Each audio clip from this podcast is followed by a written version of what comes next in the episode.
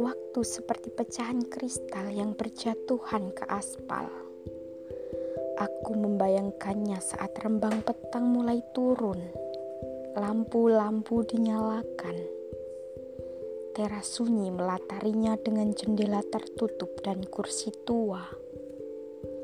Bunga-bunga tak bernama bercerita padaku dengan bahasa yang hanya dipahami tanah tempatnya mekar dan layu.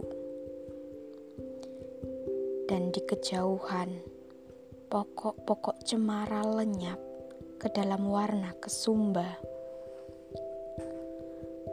Tahukah engkau, kepadaku seorang lelaki bertanya, menatapku dengan matanya yang penuh wibawa di atas meja telah tersaji restu dari moyangmu yang meneteskan doa. Di ubun-ubunmu yang lama mengembara. Kembali aku menemukan pecahan kristal di teras rumahku. Lalu aku ingat suara lelaki itu.